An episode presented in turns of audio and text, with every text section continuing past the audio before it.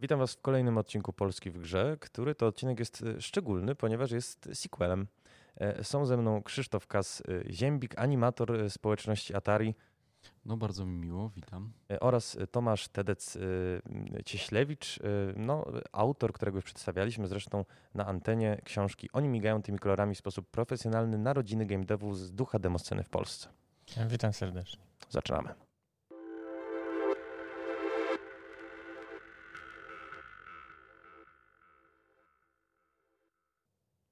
Panowie, spotykamy się w, no, w zasadzie warunkach y, dość specyficznych, to znaczy y, nie nagrywamy tego w naszym studiu, tylko nagrywamy to w y, budynku Politechniki Warszawskiej podczas Polidżemu.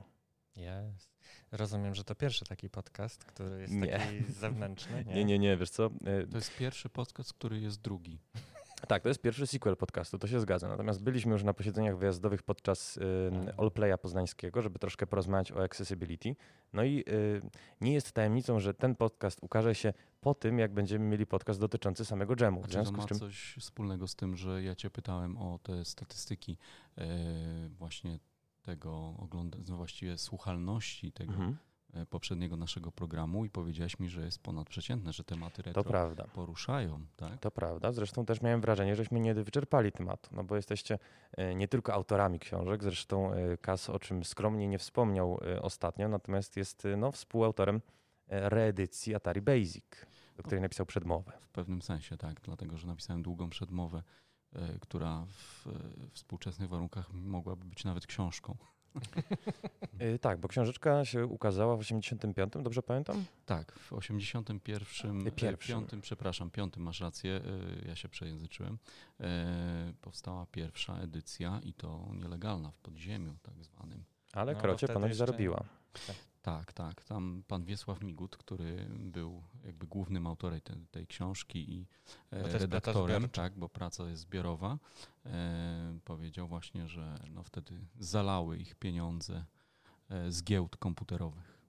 E, porozmawiamy, słuchajcie, o kwestiach, które wydaje mi się podczas poprzedniej audycji nam umknęły, a które się z finansami no, nieuchronnie wiążą. Mam tutaj na myśli bo skończyliśmy, jeżeli mnie pamięć nie myli, na e, Robbo, postulując w zasadzie, żeby troszkę tę postać bardziej celebrować, jako że rzeczywiście no jest to jeden z najbardziej znanych bohaterów polskich gier, no i e, nie ma chyba polskiego gracza czy polskiego pracownika game devu, który by o Robbo nie słyszał. Ale tak się prześlizgnęliśmy, mam wrażenie, po takich dwóch no, bardzo istotnych firmach, Miraż i LK Avalon. Mhm. Potwierdzasz wtedy, że były istotne. Jest to podkreślone w tej naszej książce. Jest to podkreślane w waszej książce, natomiast y, znalazłem też taki e, fragmencik, że e, zwłaszcza Miraż, to znaczy to był wydawca, który e, może dopowiedzmy naszym słuchaczom, którzy no, z różnych pokoleń mogą pochodzić. Między innymi się zajmował wydaniem Franco, Another World, Snipera, Mortyra II, no i jak rozpętałem II wojną światową, nieznane przygody Franka Dolasa. No ale Tomasz Sadza E, pamiętam. Mortera pierwszego chyba też. Tak, być tak. może, być Na może. 100%, bo mam pudełko oryginalne. Ja też. Nie będę się kłócił z ekspertami, panowie. Natomiast znalazłem takie e, zdanie z Tomasza Sadzy, że e, Miraż miał, znaczy zdanie, no taki fragment. Twierdził, że Miraż miał apetyt rzeczywiście, żeby dorosnąć do takiego modelu dystrybucji i, i takiej skali jak LK Avalon, ale nie miał podobno ku temu środków. Tam jest w książce wspomniana taka anegdotka o tym, jak spisywane były umowy gdzieś tam na, na zapleczu, E, jakiegoś składu, no a tymczasem LK Avalon faktycznie wynajmował piętro w jakimś eleganckim e, wieżowcu, serwował e, kawę, no było, miało to jakiś pozór profesjonalności. Znaczy, no rzeczywiście bardzo, bardzo fajne to było, jeśli chodzi o Avalon, że rzeczywiście oni bardzo ładnie funkcjonowali jeśli chodzi o rynek, jeśli chodzi o właśnie bogactwo tych gier i różnorodność ich i imiodność, e, co zresztą w książce pada takie zdanie, że po prostu to był absolutny numer jeden mhm. E, w naszym kraju wtedy, czyli oni zaczęli ten rynek i oni właśnie naprawdę byli dobrze pod różnym względem. E, również jakości tych gier, na przykład te pierwsze gry typu Robo, Fred czy Misja, tam naprawdę bardzo ciężko jest znaleźć jakikolwiek najmniejszy błąd w, tym, w tych grach, to dzisiejszemu graczowi to się nie mieści w głowie, że, że w grze nie można znaleźć błędu, także to było naprawdę ba bardzo dobrej jakości produkty i firma. Natomiast trzeba przyznać, że, że te wszystkie gry, które wtedy powstawały w takich firmach właśnie jak ASF, Spectra, jak Mirage, to to wszystko były raczej takie małe firmy kilkuosobowe i takie kilkuosobowe firmy najczęściej wynajmowały bardzo małe pomieszczenia. Poza tym zwróćmy uwagę na to, że to też jeszcze nie było tak, że jeżeli jakaś firma robi coś fajnego, to może sobie spokojnie przebierać w tym, e, jakiego typu przestrzeń, jakiej jakości, w jakim położeniu może wynajmować, bo to jeszcze nie był wolny rynek w żadnym wypadku, tak? Mówimy tutaj jeszcze o PRL-u, 89 rok. No i wczesne 90., bo to tak, to, tak na przełomie ale, w zasadzie obie tak, firmy ale funkcjonowali. to już nie było. No, ale one funkcjonowały wcześniej, bo, bo na przykład Miraż funkcjonował e, już w 88 roku, tak? Czyli e, znaczy to jeszcze nie był ten Miraż taki ten, ale chodzi o to, że no była miejscówka była firma zarejestrowana i tak dalej. I podobnie jako było, Atari, Atari Studio. A, jako mhm. Atari Studio. Natomiast chodzi o to, że no tak samo było w innych częściach kraju, tak?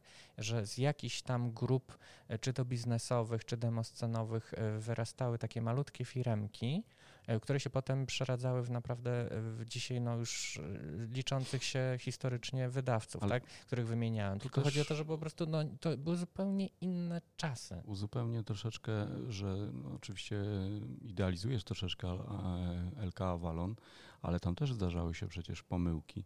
Nie Na no, przykład oczywiście. Spymaster słynny, który został w pierwszej wersji zepsuty E, i Darek Żołna, nasz kolega, z którym e, będziemy jeszcze mieli e, prezentację książki. Może o tym nam powie bardziej szczegółowo, ale w owym czasie właśnie tam pisał w Tajemnicach Atari w magazynie, że nie dosypiał, nie był w stanie zrobić kolejnego jakby odcinka o programowaniu gier właśnie dlatego, że musiał poprawiać kopię Spymastera, musiał naprawiać błędy, bo jakby powiedzmy osoby testujące, czy osoba testująca zawiodła, nie wykryła jakby tam oczywistych pomyłek. Także tam też się zdarzały znaczy, nie, różne nie, ciekawe. Nie, Albo to, ta to... historia, jak zamówili, prawda, ileś tam 10 ton papieru, tak? Y, nie, 5 ton papieru czy coś takiego, a przyjechało 50 ton, bo ktoś pomylił zera. E, to znaczy tak, znaczy chodzi o to, że tak, po pierwsze ja mówię o tym początkowym okresie, czyli z czego się wywodziły te firmy, że to nie było tak, y, że, znaczy chcę to po prostu podkreślić, że to nie było tak, że, że wtedy e, działało się tak jak dziś, że, że jeżeli dzisiaj na przykład firma uważa, że, że wczoraj robi robiliśmy 5 gier, a jutro robimy 15, to po prostu zaraz przenosimy się obok do budynku, gdzie mamy więcej przestrzeni, albo tej, ta przestrzeń jest bardziej dostosowana do naszych potrzeb.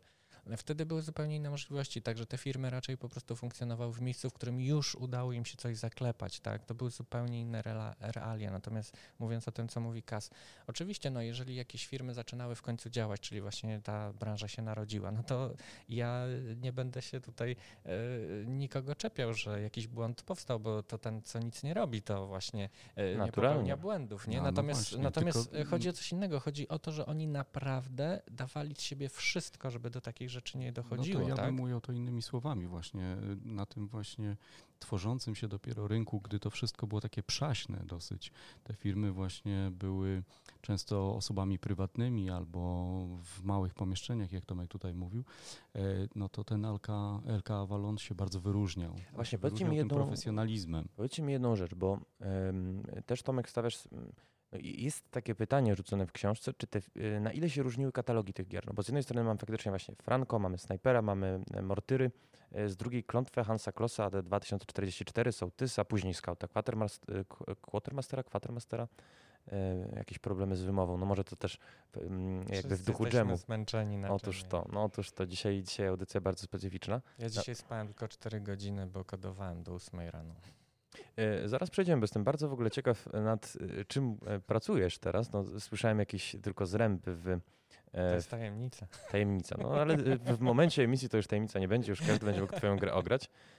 Ale właśnie, czy jesteśmy w stanie wskazać nie tylko różnicę jakby w profesjonalizacji przedsięwzięcia, którą możemy usprawiedliwiać albo nie, ale czy jesteśmy też w stanie wskazać jakieś różnice, jeżeli chodzi o portfolio, o dobór tytułów do tego portfolio?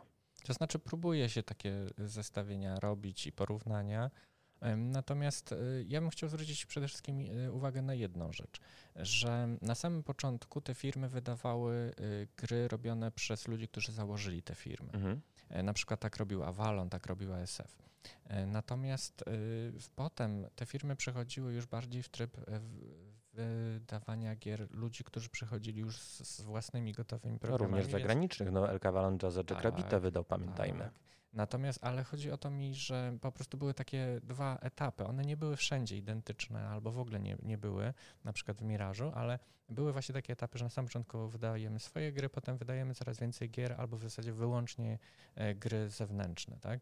I to chodzi o to, że w momencie, kiedy już byliśmy na tym etapie, czyli to był właśnie jakiś rok 90, 91, kiedy już wydajemy masowo dużo gier, na przykład Avalon wydawał gier po prostu ludzi, którzy przychodzili z zewnątrz, czyli nie byli żadnymi pracownikami, współpracownikami, tylko po prostu przyszli e, z produktem albo gotowym, albo prawie gotowym, e, doprowadzano go do stanu wydawania, wydawali, na przykład ten człowiek już więcej się nie pojawił, albo może się pojawił znowu za dwa lata, tak?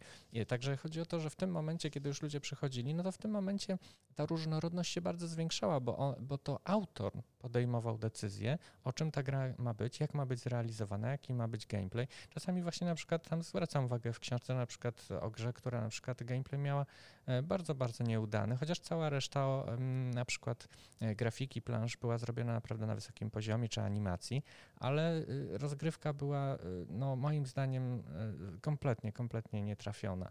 Czołówka gry też była bardzo A o jakiej grze mówimy? E, no tam jest w książce, w książce wymieniona nie pamiętam w tej chwili tytułu, nie, naprawdę po czterech godzinach snu to już nic nie pamiętam. E, w każdym razie e, chodzi o to, że mm, e, no, różne rzeczy się zdarzały, różne wizje, no bo ten sam pomysł można w różny sposób zrealizować, nawet, nawet niewiele zmieniając w tym wszystkim, co już grze jest, można grę naprawdę bardzo zmienić, mm, dlatego wtedy autor podejmował, całkowicie podejmował takie decyzje, jak on widzi daną grę. W związku z tym zdarzały się różne rzeczy, więc jeżeli ktoś chce postawić takie pytanie, czy ten, czy dany wydawca się specjalizował w jakimś konkretnym gatunku gier, to myślę, że taki ktoś ma, ma bardzo trudne zadanie, żeby to jakoś dowieść i żeby, e, żeby to usystematyzować. E, przede wszystkim właśnie trzeba po, po taki, taki podział wprowadzić, jak ja powiedziałem, czyli właśnie na którym to było etapie, czy to było na tym etapie najwcześniejszym, czyli rok 89-90, czy to było już 91-92, bo to już było zupełnie co innego, mhm. i, a, albo na przykład 94-95 to jeszcze zupełnie co innego, bo na przykład wchodziły już wtedy nowe platformy, takie jak Commodore, jak Amiga.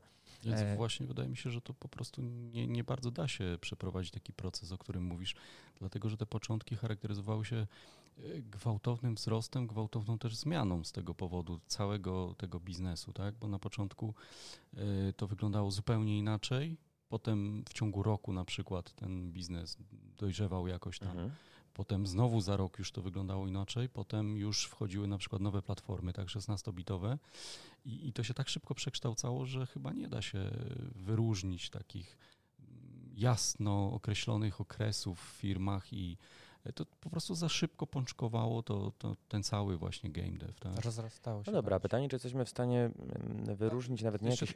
Jasne. powiem e, jedną rzecz, że to samo dotyczyło właśnie giełd e, komputerowych na przykład, e, te parę lat wcześniej, tak, że ludzie czasami jak rozmawiają o giełdach mają totalnie różne wspomnienia, bo inaczej giełdy pamiętają ci, którzy w 85 roku byli na giełdach inaczej ci, którzy w 88 czy 3 lata później, a ci, którzy opadają o giełdzie w latach 90. jeszcze zupełnie inaczej, bo ta giełda faktycznie jej charakter się gwałtownie zmieniał w ciągu no, 5 lat tak naprawdę i ona na początku była jakby troszeczkę miejscem wymiany mm, y, kolekcjonerów, y, hobbystów, tak, miłośników, pasjonatów.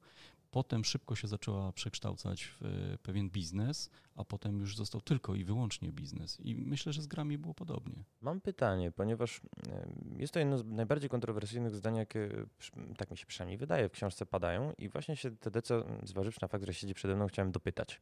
E, pozwolę sobie zacytować twoje słowa. Piraci zrezygnowali ze swojego starego, nazwa, nazwijmy to, modelu biznesowego i z szacunku dla polskich autorów nie sprzedawali kopii ich programów. Mm. Może jakiś tydzień. No właśnie, wiesz, bo sam mam w głowie i chyba zresztą o tym rozmawialiśmy ostatnio. Sam mam w głowie tego e, biednego Pawła Marchewkę, który rzeczywiście chodził e, na policję, zgłaszał piratów, którzy na giełdę na Grzebowskiej przywozili gry wydawane wówczas przez Techland. I trudno mi szczerze powiedziawszy wyobrazić sobie tych, no jakby nie było przedsiębiorców na giełdzie, przecież no, kwiat polskiego dzisiaj game devu czy bizdevu zaczynał.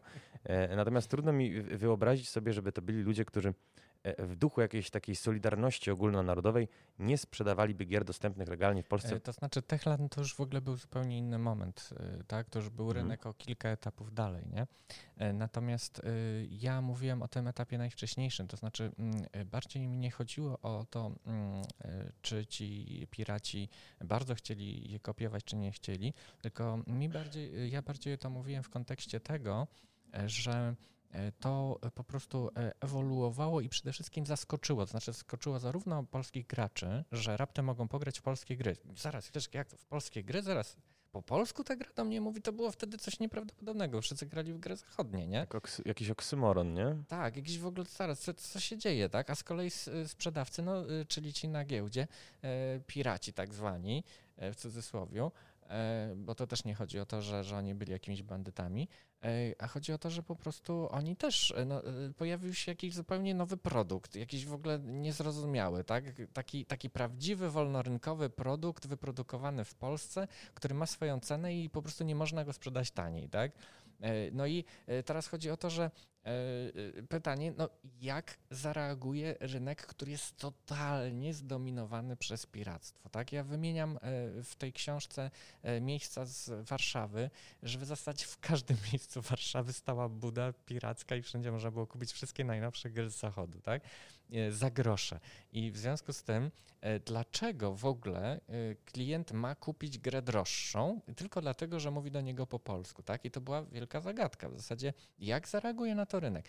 I, się, i chodzi o to, że ja mówiąc o tych piratach, mówię o tym, że to nie tyle oni chcieli czy nie chcieli, bo oczywiście wiadomo, że jedni piraci i tak piracili, ale chodzi o to, że ogólnie rzecz biorąc, tak e, próbując taką średnią wyciągnąć, było takie pozytywne zjawisko, że może nawet e, jeżeli któryś z nich trochę kłamał mówiąc to, ale ogólnie rzecz biorąc był taki szacunek do tych polskich gier, było takie zrozumienie, mhm. że okej, okay, my tu piracimy zachodnie tytuły, ale jednak warto docenić Polaków, którzy przecież włożyli w to dużo pracy. Samo, samo to, że przygotowali jakieś okładki, no co było zupełnie nowe dla Polaka, że zaraz chwileczkę gra z okładką w ogóle jakaś oryginalna, w ogóle o co chodzi, prawda? Bo do tej pory to nie było żadnej okładki albo kartka e, jakaś skserowana od pirata, tak? Na której nic nie było widać, bo to było ksero z ksera, z ksera, z ksera, tak?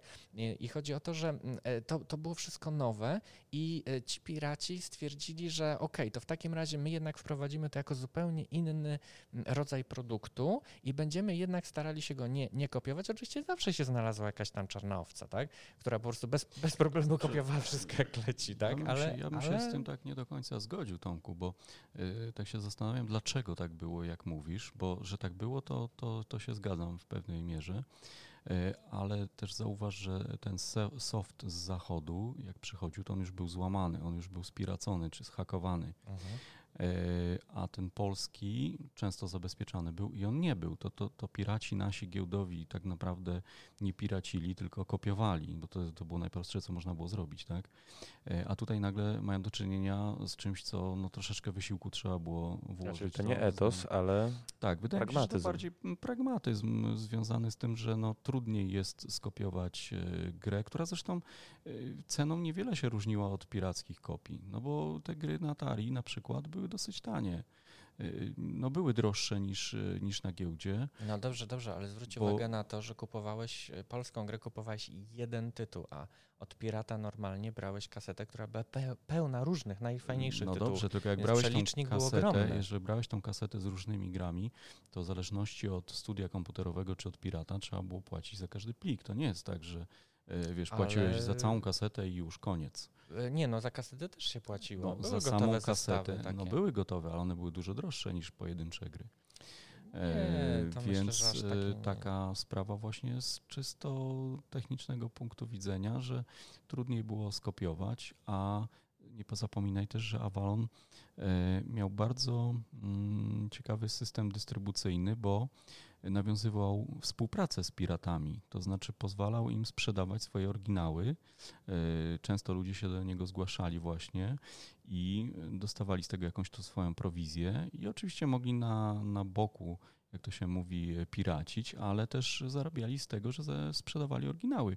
W ogóle Avalon był prekursorem takich metod marketingowych dosyć ciekawych bo na przykład y, reklama y, Robbo przez y, radiokomputer, prawda? Mhm. No, Kiedy rozesłali te, te poziomy demo, demonstracyjne, tak?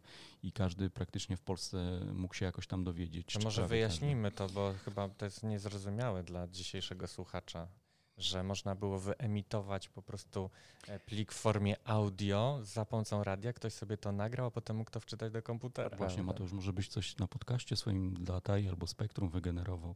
Wiesz, taki jakiś jubileuszowy.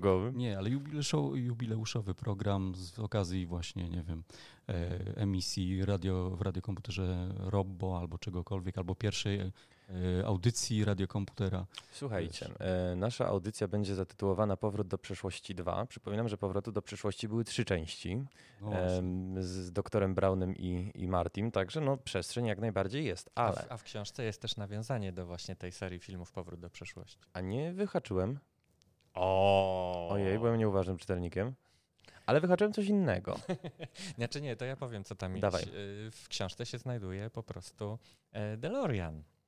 I właśnie został on umieszczony właśnie po to, że po prostu ta nasza książka to jest właśnie taka maszyna No wehikuł czasu, czasu tak, jakby tak, nie było. A jeszcze wrócę do Avalonu i jego metod marketingowych. Mhm. E, bardzo e, zyskał Avalon na tym piractwie tak naprawdę rzecz biorąc, bo e, mało kto słyszał o Avalonie, mało kto by słyszał o Avalonie, gdyby nie piractwo. Ja na przykład swoją e, kopię Robbo pierwszą kupiłem od y, pirata, to znaczy od studia komputerowego, gdzie zobaczyłem opis, prawda. No, pytałem się po prostu jakieś nowości. Wtedy wszyscy atarowcy się pytali o nowości, bo nie było żadnych, y, więc i ja się pytałem. I ten człowiek w studiu komputerowym, zresztą we Wrocławiu, dom handlowy Łada, pirat się nazywał Brodaty Software no i powiedział mi, że a, jest taka gra o lotach w kosmosie, no to od razu mi się wyobraźnia uruchomiła loty w mhm. kosmosie, tak, że się lata od planety do planety, a tutaj w domu uruchamiam, a to jakaś gra logiczna, w której robocik chodzi w labiryncie. I, i cała podróż kosmiczna polega na tym, że, że się Zbiera śrubki, zmienia tak. się jedna plansza w drugą i to jest właśnie moment, w którym przeleciałeś z planety. Z jednej planety na drugą. Natomiast tak mi teraz, słuchajcie, przyszło do głowy, y, mówimy o tym no w zasadzie bardzo y, rewolucyjnym, jak na tamte czasy modelu dystrybucji czy promocji LK Avalonu, ale y, szukamy podczas obu tych audycji takich momentów, w których e, demoscena się trochę rymuje z czasami współczesnymi. I nie tak dawno temu, nie wiem czy pamiętacie, że Sos Sosowski zaczął sam wrzucać swoje gry na torenty. E, zysk miał niesamowity, jeżeli chodzi o pokrycie medialne, bo naprawdę napisało o nim i portale w kraju, i za granicą. E, no a Maciek Miąsik z kolei, który nie tak dawno temu wydał Bitkopa, bo to przecież kwestia paru lat, Y, sam przyznawał w rozmowie ze mną, że on się bardzo cieszył, kiedy zobaczył, że ta gra jest na torrentach. To jest powrót, bardzo. to jest troszeczkę powrót do właśnie starych pomysłów, dlatego że jeżeli ktoś chciał y, w starych czasach, żeby jego gra czy jakiś program y, był popularny, to dawał piratom. I to już dalej szło samo, dlatego że ludzie bardzo potrzebowali oprogramowania i tak jak powiedziałem, właśnie Avalon bardzo skorzystał na tym, dlatego że sam osobiście przeprowadzałem wywiady z ludźmi, którzy na przykład na wrocławskiej giełdzie handlowali i oni byli tak, pod takim wrażeniem tego programu Robbo, że to jest polskie, że jest podany adres firmy, e, że to jest, to jest nowość, tak jak tutaj Tomek wielokrotnie opowiadał, że sami dzwonili, pisali do Avalonu i zostawali później dystrybutorami legalnego oprogramowania. Więc e, to była właśnie taka troszkę zbliżona metoda do torrentów, tak? no bo wtedy torrentów nie było, ale e, było wykorzystanie tej sieci dystrybucyjnej w postaci piratów giełdowych do tego, żeby... Znaczy, bo to była wtedy jedyna sieć dystrybucyjna. Po pierwsze, po pierwsze właśnie reklamować swój produkt, po drugie zdobywać potencjalnych klientów, którzy zobaczyli, że te programy zawolone są naprawdę świetnej jakości. No ten, ten, ten temat y, giełdy jest dość szeroko w książce opisany właśnie od różnych stron, więc y, właśnie jest to tam fajnie wyjaśnione, że to są, to są bardzo ciekawe. I SOS, SOS podejrzewam, że jakby wymyślił to samo, bo no cóż to są torenty? To jest sposób dotarcia do kolejnych potencjalnych klientów, tak? Więc jak najbardziej podejrzewam, tak słyszałem, że branża ma problem właśnie z dodarciem z informacją o swoich produktach, o swojej firmie, więc takie niestandardowe tak, metody są jak najbardziej Nie no, słuchajcie, jest, skuteczne. nie jest tajemnicą, że my rokrocznie mamy rzeczywiście wzrost tytułów na Steamie. Troszkę ostatnio spowolnił, ale dalej no jest to chyba niemal 9 tysięcy w skali roku, także bardzo trudno jest w ogóle dotrzeć z grą do, do czyichkolwiek no oczu tak, czy uszu. Jest to poważny problem. Otóż to, natomiast ciekawi mnie jeszcze jedno. Mówimy tutaj o kopiowaniu gier na nośniki i ich sprzedaży, natomiast e, Tomek, ty też y, napisałeś czy powiedziałeś podczas y, wywiadu rzeki taką rzecz, która mnie troszeczkę zdziwiła, dotyczyła kopiowania no, gier czy pomysłów na gry. Mam na myśli Operation Blood, które w obiegowej opinii jest kopią Operation Wolf. E, Wolf. Tak, tak, zdecydowanie. Ale twierdzisz, że nie. W książce. Że nie? Naprawdę? Tak, twierdzisz, że nie, a widzisz. Musisz przeczytać swoją książkę. Kurde. No właśnie rehabilitujesz, ale tak rehabilitujesz i jakby ślizgasz się po temacie, lecisz dalej. I właśnie myślałem, że może e, wytłumaczysz mi, bo no mówię, w obiegowej opinii ja maluczki też zawsze byłem uczony przez tuzów. Ja, ja myślę, że tylko nie, nie tylko w obiegowej opinii, ale ja pytałem e, jednego z autorów e, Pawła Kalinowskiego i on powiedział, no rżnęliśmy grafikę z komody. Tak, dokładnie, tak, już na żywca. Ale, ale, ale, też to, ale też to była taka sytuacja, że też trzeba było mieć grafika, który mógłby taką grafikę narysować, więc po prostu jeżeli ktoś nie miał grafiki, to najprostszym rozwiązaniem było tę grafikę pociągnąć z takiego komputera, z którego jest najłatwiej ją pociągnąć, a z drugiej strony, gdzie ta grafika wygląda e, dobrze, tak? To znaczy, że autorowi się podoba, że ok, tego typu jakość grafiki jest e, dla mnie akceptowalna. I wtedy, i to było też takie bardzo demosceniczne, e, buch, no po prostu ściągamy tę grafikę z jakiegoś tam produktu. Natomiast mm, powiedzmy sobie szczerze, to znaczy wyprodukowanie gry tak skomplikowanej, złożonej, zresztą autor do dziś mówi, że jest to jego największa duma życia, zrobienie tej gry.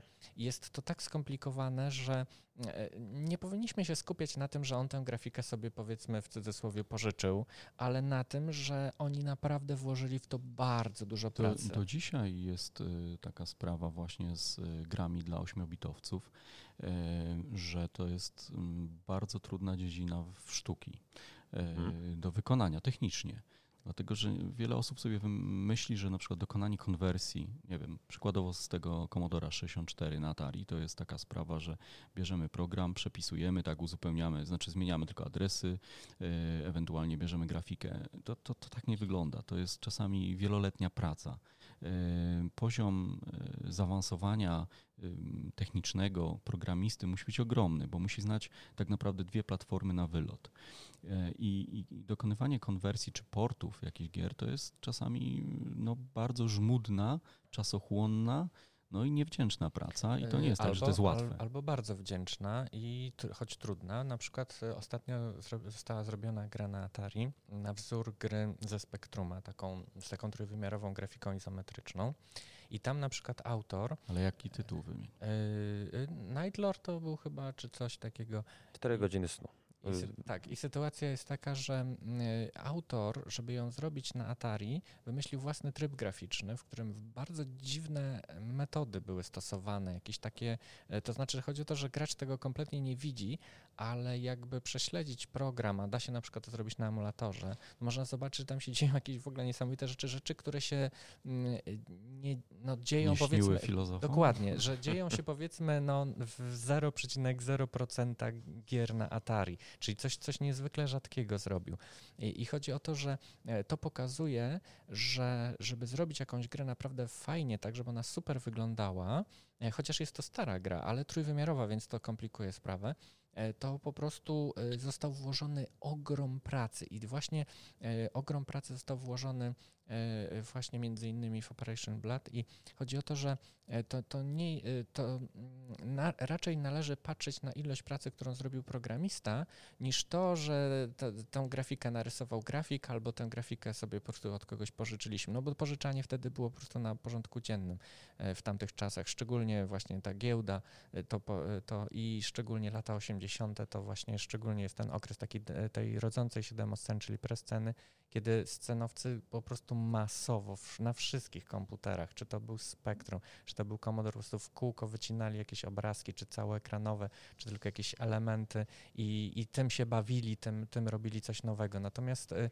y, także trzeba docenić wysiłek, że nawet jeżeli gra była bardzo, bardzo podobna do oryginału, na przykład na Commodore, to jednak ten e, ogrom pracy został wykonany. Nie jest odbite na powielaczu, jasne. Tak, natomiast druga sprawa to jest taka e, też, jakie jest podejście autorów do tego, tak? Co, co oni mieli na cel, tak? Bo to, bo to chodzi o to, że to jest co innego, kiedy ktoś e, z pełną premedytacją chce komuś zaszkodzić na zasadzie, że ja ukradnę ci element twojej pracy i po prostu cię tak przerobię i po prostu ja na tym zarobię, a ty na przykład będziesz miał straty. To jest zupełnie co innego, tak? Czyli czyli jakieś, jakieś wrogie przejęcie, jakieś, jakieś wrogie sytuacje, które znamy z, z dzisiejszego świata, tak? W tej chwili mi się nie przypomina to, właśnie żaden taki przypadek ze dokładnie, starych czasów. Tak za się to, tego nie robiło. Za to y, wiele znam takich sytuacji, które wynikają z inspirowania się, tak? Coś po prostu młodego człowieka zachwycało.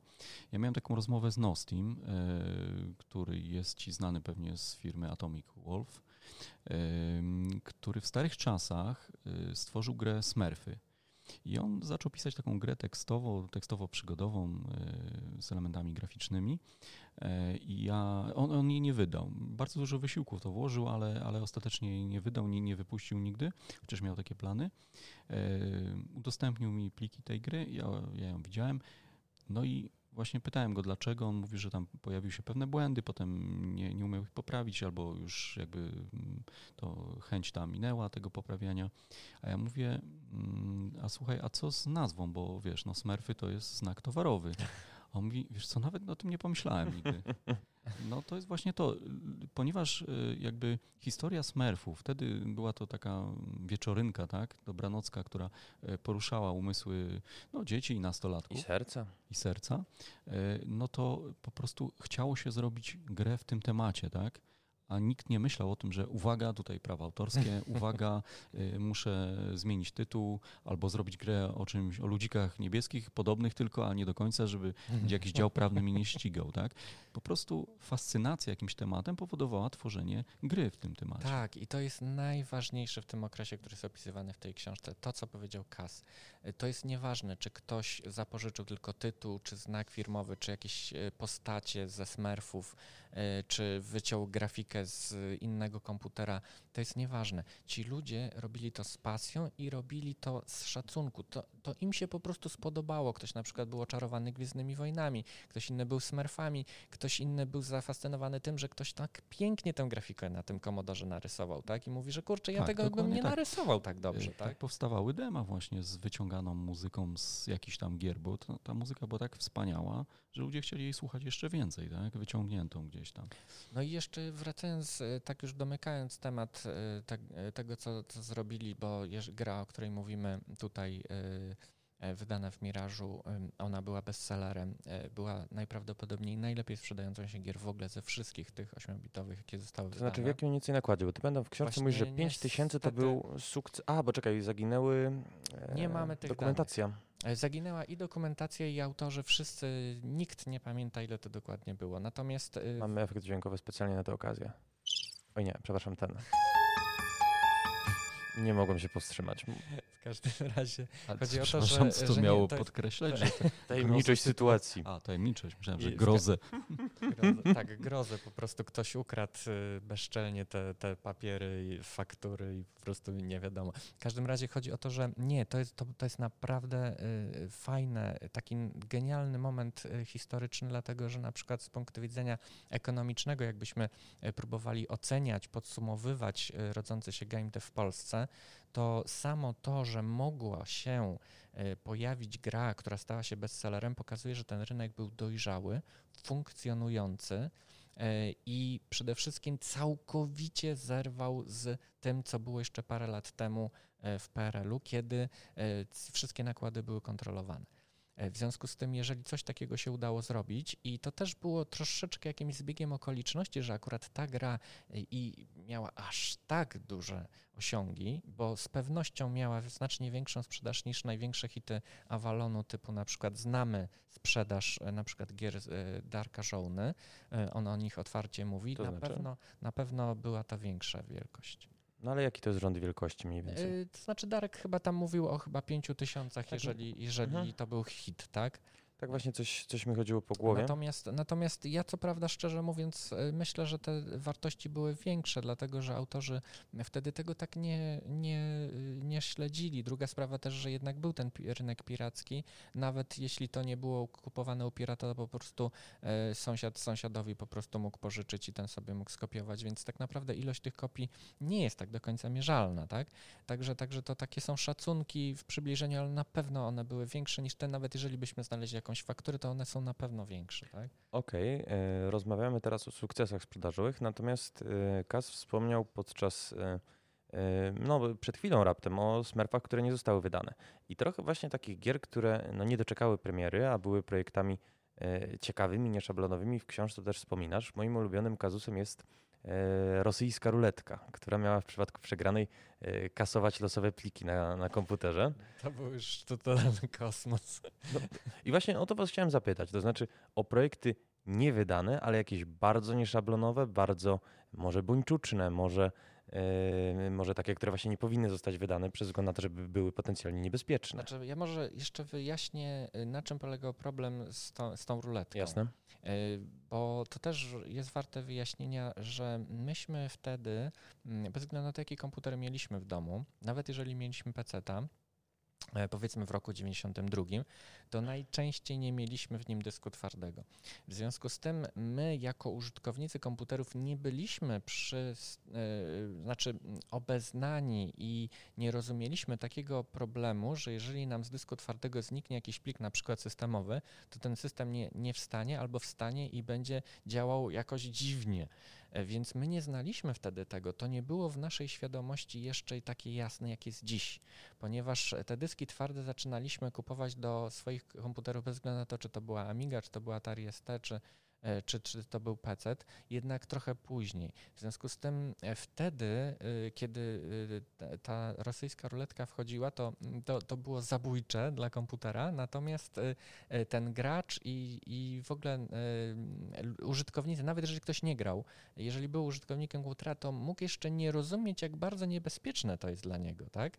Także podkreślmy tę sytuację, że, że to były tak, tak wczesne czasy, że my jeszcze nie, nie do końca wszystko rozumieliśmy. Dzisiaj dla nas jest jest to oczywiste, że z dysku twardego nie można usuwać losowych plików. Na chybił trafił, oczywiście. Dokładnie, że to po prostu nie wchodzi w grę. Dzisiaj to zrozumie każdy, nawet jeżeli kompletnie się nie zna na informatyce, to wie, że takich rzeczy nie wolno robić. No. Dobra, podobne głośne projekty, znaczy głośne, ale takie, które no, nie doszły do skutku. Czy coś wam przychodzi do głowy? Ale chodzi ci o stare czasy? O stare, dobre czasy. Stare, dobre czasy. Na końcu wracamy do przeszłości. Tytuł to nie przypadek. No, na pewno najbardziej znanym takim projektem e, na Atari przynajmniej e, była gra Zmierzch, ponieważ e, Avalon właśnie zapowiedział tą grę. Tak, i to był tylko jedyny raz, kiedy Avalon naprawdę nawalił na całej linii. Znaczy wiesz co, no, czy jedyny raz, no trudno powiedzieć, bo to trzeba by uznać, no taki największy jest, i najbardziej co jest nawalenie, a co nie. Po prostu mieli jakieś plany, nawet y, opublikowali właśnie zapowiedź, czy tam historyjkę do tej, do tej y, przyszłej gry. Y, okazało się jednak, że właśnie ona nigdy nie powstała. Znaczy może jeszcze podkreślmy, że wtedy ta reklama pojawiająca się w piśmie miała niesamowity oddźwięk, tak? Znaczy wtedy te reklamy naprawdę ludzie czytali i się przejmowali, o, że jest jakaś gra, e, to, to po prostu poruszyło ludzi i przede wszystkim ta historia, która została w reklamie opowiedziana, ona poruszyła ludzką wyobraźnię. Ja chcę tę grę mieć. Co z tą grą jest? No ja to, chcę ją zamówić. To, to tak jak z tym Robo, że podróże w kosmosie, tak? tak to, też mnie to wtedy namówiło, ale no po, po jakimś czasie oczywiście wciągnąłem się bardzo tak sprostuję, że to nie było tak, że gra mnie odrzuciła, tylko właśnie wręcz przeciwnie, wciągnęła mnie. To tak nawiasem mówiąc. E, jeżeli chodzi o zmierzch, to ostatnio e, no właśnie profesor Marecki z Ubulabu i tutaj Tomek, no i ja też niestety, próbowaliśmy nawiązać artystycznie do, do tej historii zmierzchu. Może Tomek, ty opowiesz, jaki był koncept. No właśnie, bo chodzi o to, że mm, Piotr Piotr Marecki e, podchodzi do tego w sposób taki e, bardziej od strony kultury, e, kulturoznawstwa, i, i, ale właśnie tej kultury cyfrowej.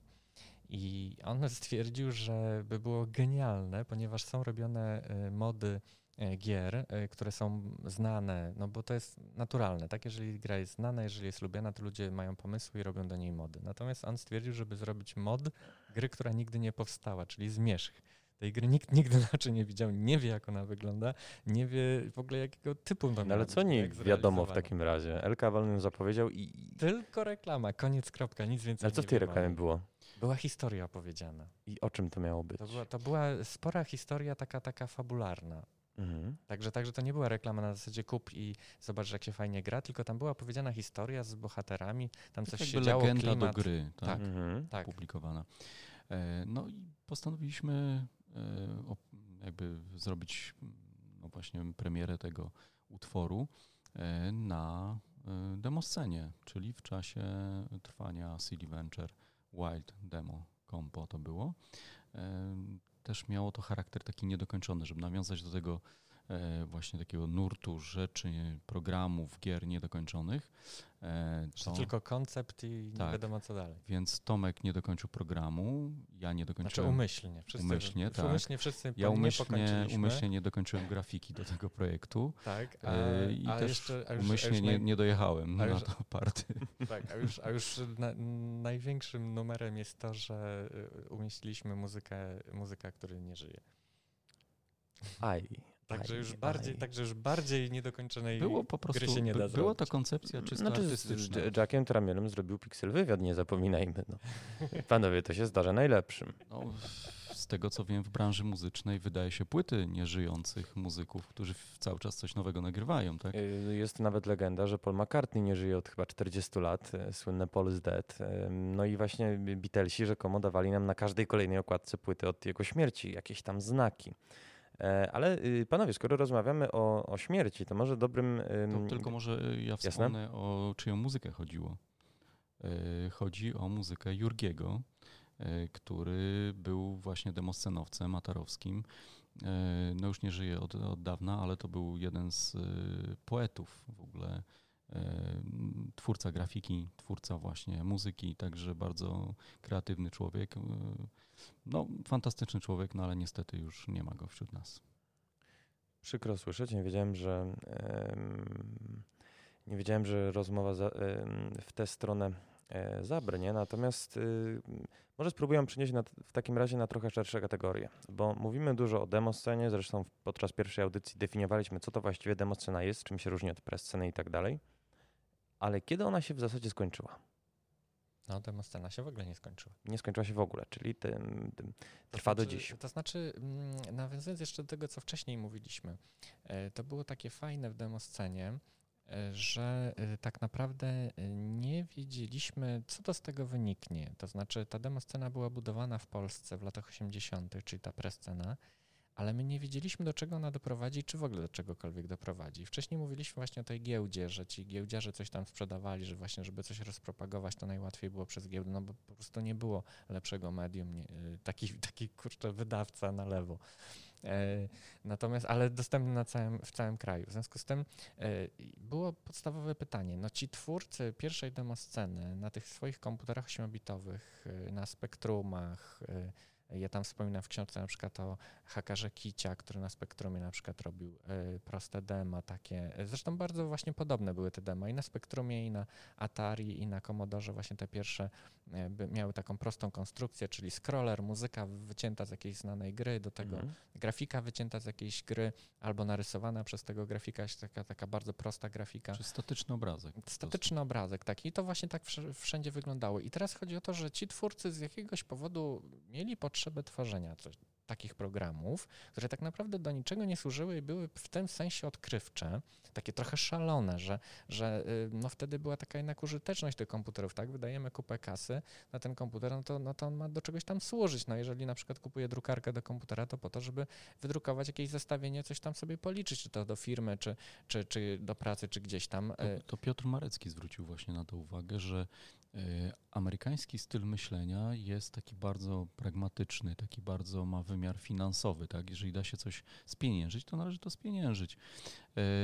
Tutaj trochę inaczej na to w Europie patrzymy i właśnie być może z tego względu demoscena się narodziła w Europie i, i zdobyła taką popularność, a nie w Ameryce, a nie w Stanach, że y, dla Amerykanina nie jest wyobrażalne, to Piotr właśnie z rozmów y, wywnioskował, y, że nie jest wyobrażalne, że można robić programy, które do niczego nie służą, nie służą do zarabiania, tak?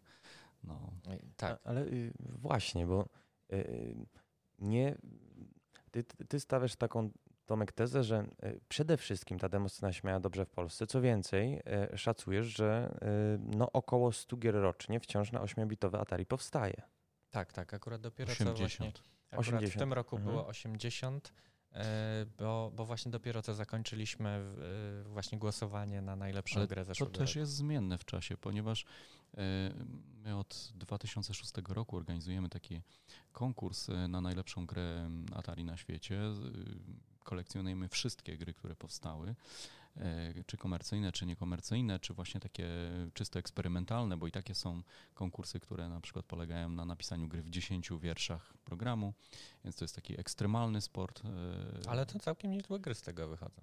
O tak, dziwo. Tak, tak, tak. Takie I, haiku game devowe. No, no. Dosłownie. Tak. I to jest naprawdę mistrzostwo świata, jeżeli chodzi o programowanie. No bo wyobraź sobie, że e, w zeszłym roku właśnie jeden autor napisał e, grę e, Mini Bros, która wygląda jak właśnie no właśnie bracia Brosowie, czyli te żółwie, prawda, mamy Luigiego, mamy Mario i oni, i to jest normalna grafika i to jest w dziesięciu wierszach Basica. E, się nie chce wierzyć. To się nie chce wierzyć. Mamy efekt dźwiękowy. Specjalnie na tę okazję. Trochę długi, no, ale no, to wiem, zasłużone. zasłużone. Ale tak, no brawa jak najbardziej na miejscu. E, więc jak zaczynaliśmy w 2006 roku organizować ten konkurs, to wtedy e, było 18 gier do oceny. Obecnie jest właśnie 80, więc to też rośnie i ta popularność jak na razie tworzenia gier na przykład na Atari, bo to wiesz, tworzy się na różne ośmiobitowce. Y, scena Spectrum jest większa, scena Commodore jeszcze większa, więc y, tworzy się ich bardzo dużo do dzisiaj. Tylko jak to się dzieje? Bo wiecie, no, mamy przecież y, Atari Fana, który jest 100-stronicowy około, 100-stronicowy. Mamy Pixel Heaven, na których jest bardzo Atari dużo... Fan ostatni był chyba 140 stronicowy. Tak, to prawda. Rozrósł się jeszcze bardziej. E, mamy Pixel Heaven, na którym zresztą e, Tomek miał panel z sosem e, Commodore versus Atari decydujące starcie. A ja opowiadałem o grach subwersywnych o takich e, podejrzanych tytułach, jak e, można używać e, słów niecenzuralnych? Na... W razie czego wypikamy. Chodzi o to, że to jest tytuł gry, więc to jest cytat. Cytat, no to naturalnie. Gówno spadające w dół.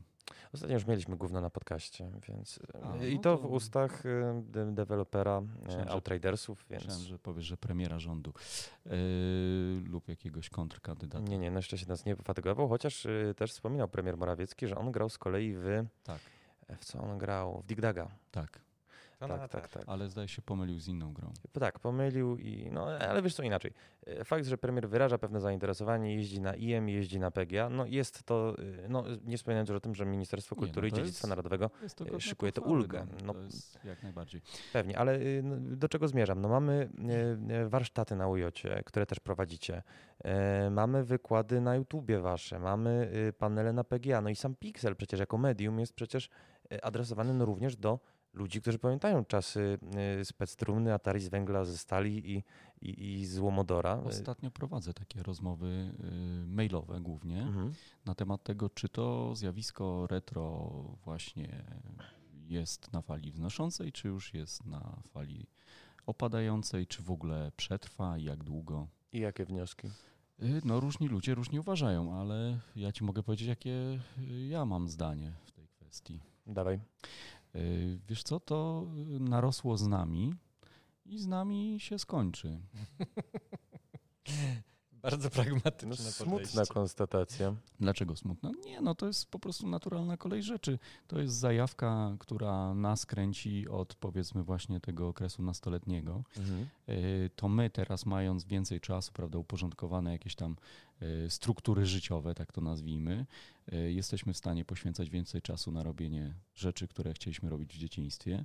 No ale to młodsze pokolenie tego nie przejmie i młodsi ludzie nie będą tym zainteresowani. Ja nie mówię, że zniknie na przykład zainteresowanie e, kolekcjonowaniem komputerów czy mm. kolekcjonowanie gier, dlatego że to ma wymiar czysto materialny, fizyczny jakiś tam, prawda? Można tym handlować, tak jak dzisiaj się handluje starymi samochodami czy starymi meblami. To są rzeczy nieprzemijające, tak? Ale jeżeli chodzi o na przykład, e, nie wiem, podtrzymywanie klimatu demosceny czy programowanie, e, 8-bitowych komputerów, to jest sport ekstremalny. To jest tak niszowa rzecz, że ta nisza nikt nie zna. Ja bym, chciał, ja bym mhm. chciał powiedzieć jedną rzecz. Ja wczoraj byłem tutaj w Warszawskim Muzeum Komputerów i Gier, które się znajduje od nas e, dosłownie 200 metrów i, i Kas powiem Ci, że tam wyłącznie grali e, młodzi ludzie tacy tak. nastoletni. Muzeum Flipperów jest rewelacyjne w Warszawie też. E, ale ja mówię, że tam młodzi ludzie grają. Ale ja ci też mówię, młodzi ludzie. No ja y, sam ostatnio byłem no ja wiem, dwa tygodnie temu i po prostu ludzie wy, no ja już nie jestem tak e, młody, no relatywnie młodzi powiedzmy w takim razie, e, ale panowie, e, postawiłbym taką tezę, no bo mówię, cały czas szukam paralel, że to troszeczkę dalej jest. To znaczy, raz, znajdujemy się na dżemie, który ostatnio rozmawialiśmy. Pewne echa da się w ogóle demosceny w dżemach Właśnie, usłyszeć. Ja już ci to mówiłem, że dla mnie tak. Game Jam to jest troszeczkę jak demoscena. No, ja pytałem, ty potwierdziłeś, więc mieliśmy zgodność stuprocentową. E, co no, więcej, no, wam powiem, że słuchajcie, e, jesteśmy teraz. No, Nawet jeszcze... jesteśmy teraz, jeżeli już wejdę ci w słowo, to Jasne. jesteśmy teraz dokładnie w sleeping roomie, czyli coś, co na właśnie zlotach demoscenowych było bardzo często obecne. Sleeping room, gdzie ludzkość śpi, tak? Zmęczona. Jesteśmy szcz szczęśliwi o godzinie chyba 19 czy 20, więc jeszcze nikt nie śpi. Tak, tak. Ale obok w pokoju ktoś śpi. Ale wiesz co, y, y, taką bym może dość śmiałą tezę założył, że ten duch przetrwa w trochę innej formie. To znaczy, Ach, teraz mamy pewno, dwa tak. wielkie zespoły pracujące w Polsce nad modami do no, bardzo klasycznej gry, na której moje pokolenie wzrastało, czyli do Gotika. Mam na myśli Dzieje Korinis i Kroniki Myrtany. I oba te zespoły korzystają z silnika oryginalnej gry, z engine'u, który był delikatnie mówiąc problematyczny. To znaczy wyświetlenie dużej liczby postaci na ekranie, stworzenie skomplikowanych e, questów, to znaczy w ogóle jakichś łańcuchów tych questów, e, czy nawet e, rozmowa, w której uczestniczą więcej niż dwie postaci, są bardzo trudne do zrobienia. Ja miałem okazję rozmawiać z autorami obu tych modyfikacji, które, no mówię, pochłaniają no, w zasadzie lata pracy zespołów y, po całej Polsce rozsianych, kilkudziesięcioosobowych, które są w stanie zagrać przed mikrofony oryginalną y, obsadę, no i jeszcze zaprosić, e, ja wiem, Jana Kobuszewskiego świętej pamięci, żeby tam nagrał kwestie i kilku aktorów takich naprawdę nośnych. E, jest w tym coś, wydaje mi się, romantycznego, co w was, panowie, no, słyszę. Pokonywanie problemów, jakie mhm. stwarza software. Psychologicznie i mentalnie wydaje mi się to, co mówisz, jest y, tym samym zjawiskiem, które było wtedy. Otóż to. Czy, czy to, co jakby nas dotyczy, może tak. O. Y, z tym, że różnice oczywiście są. No tak jak powiedziałeś, y, to się zmieni charakter tego, tak? Tylko ja miałem na myśli bardziej to, że no raczej ośmio, ośmioma bitami już nie będzie takiej fascynacji. E, nie będzie programistów, bo w tych muzeach, które tu opowiadacie, tam nie ma programistów, którzy są zafascynowani tym, żeby robić takie gry. E, nie ma osób, które chcą uczestniczyć w demoscenie. Demoscena w ogóle mam wrażenie tak wygasła w takiej e, formie, która była w latach 80. czy 90. CD Venture jest tu dosyć chlubnym wyjątkiem, dlatego że to wygląda tak jak wtedy. Ale na przykład na zachodzie to są często mm, bardziej spotkania ludzi, którzy właśnie wymieniają się grami, którzy kupują różne gadżety, bo to mają na to pieniądze współcześnie i po prostu y, jest to jest jakaś ich zajawka właśnie z dzieciństwa czy z młodzieńczego wieku, którą się zajmują już od y, x lat. No i kupują, tak. No a kupowanie raczej na demoscenie tej takiej na przykład lat 90. w zasadzie w ogóle nie istniało, tak? Tam nie było stoisk, mhm. że ktoś to się rozłożył. No chyba, że kupowanie sprzedało. tego EB, bo wtedy było modne. E no wróciło też, zresztą jak, jak Atari jest coraz popularniejszy, tak EB też wróciło na polskie półki i do polskich żołądków. Ale panowie, był, byłoby grzechem nie zapytać, co wy robicie za gierkę na tym jamie, na którym się znajdujemy? O kurczę. To znaczy tak, pytasz o gameplay czy o story? Tak. Aha. Czyli tak, dotyczy obu rzeczy. Otóż to. To może gameplay najpierw Tomek opowie.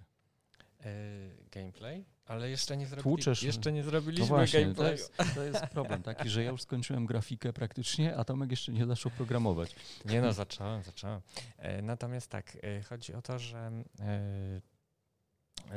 tematem tegorocznego Game Jamu, czyli na, na całym świecie mamy jeden temat, to jest naprawianie.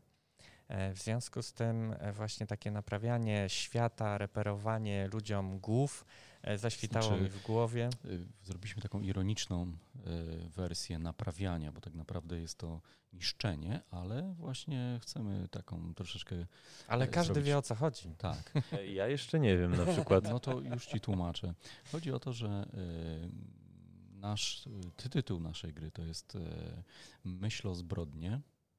E, coś, co pochodzi z e, książki Orwella, mhm. tak, 1984.